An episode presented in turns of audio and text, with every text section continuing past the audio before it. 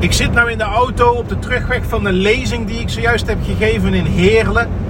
En ehm, ik heb een tijdje terug aan jullie gevraagd van... Goh, eh, wat zouden jullie allemaal willen horen eh, in een podcast van mij? Ik wil ook wat meer met audio-only doen en dan is dit misschien wel een mooie gelegenheid. Ik zit toch in de auto om wat van gedachten te wisselen.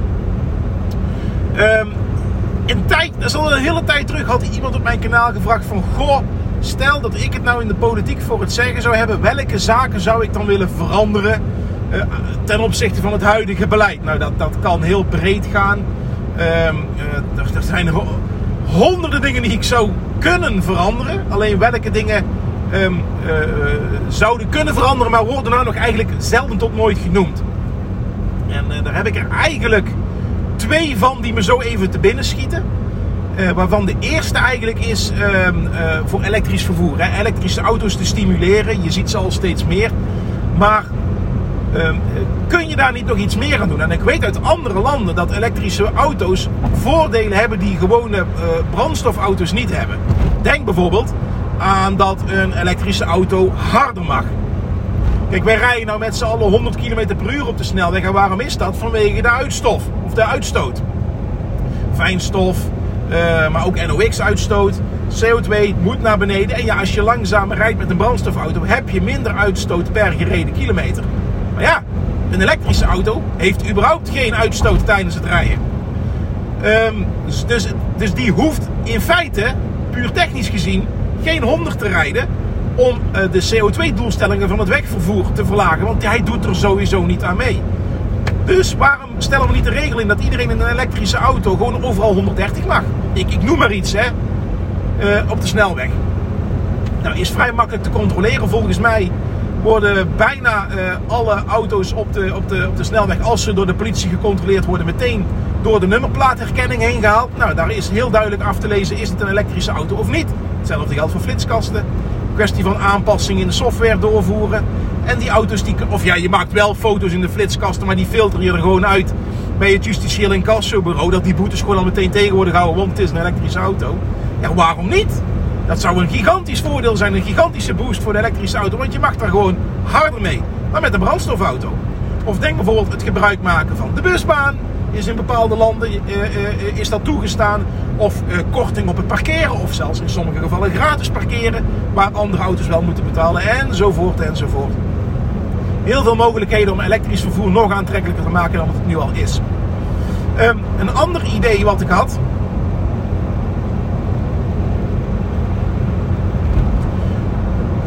gaat over de zonnepanelen. Zonnepanelen, we hebben het, hè, we hebben de salderingsregeling uh, voor onszelf, maar we kunnen ook uh, met dynamische contracten aan de haal. Heel veel is door de markt al goed geregeld.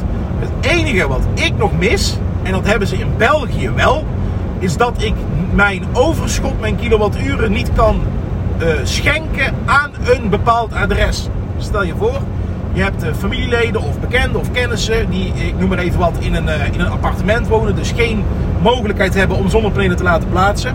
Terwijl ik een enorm overschot heb. Waarom is het niet mogelijk dat ik bijvoorbeeld 1000 of 1500 kilowattuur van mijn overschot schenk aan dat gezin, zodat zij nul op de meter hebben?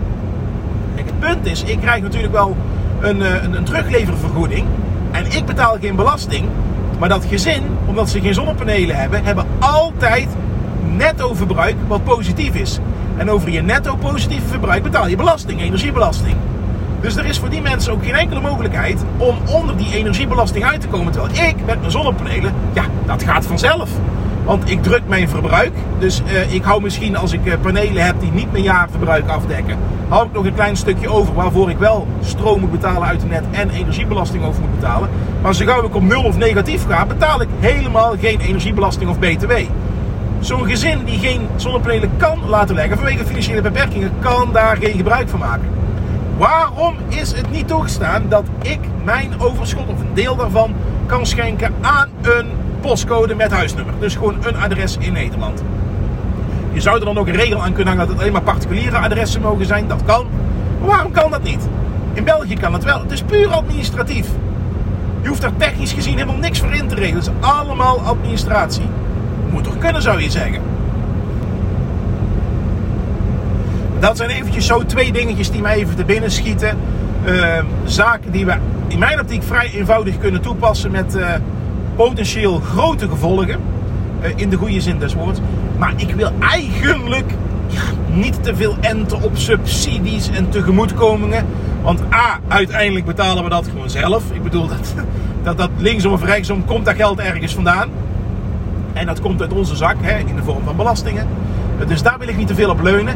Eigenlijk, uh, de, de, de, de, goede oplossingen verkopen zichzelf. Uh, omdat je er in de markt marge mee kunt maken. Dus denk bijvoorbeeld aan een dynamisch contract waar je dingen mee kunt doen. Een secundair allocatiepunt, dus een tweede slimme meter, ik noem maar even wat. Dat is allemaal al redelijk goed geregeld in de markt. Maar de twee punten die ik nou net aanhaal, die mis ik echt nog. Wat vinden jullie van die twee punten die ik nou net noem? Heb je zelf nog zaken die je graag toegevoegd ziet worden aan het huidige beleid? Laat het in de comments zeker eventjes weten. Of als je naar podcast luistert, laat het in de comments op mijn YouTube kanaal even achter. Zo gauw je weer thuis bent. En uh, tot zover, dan wil ik jullie danken voor de aandacht.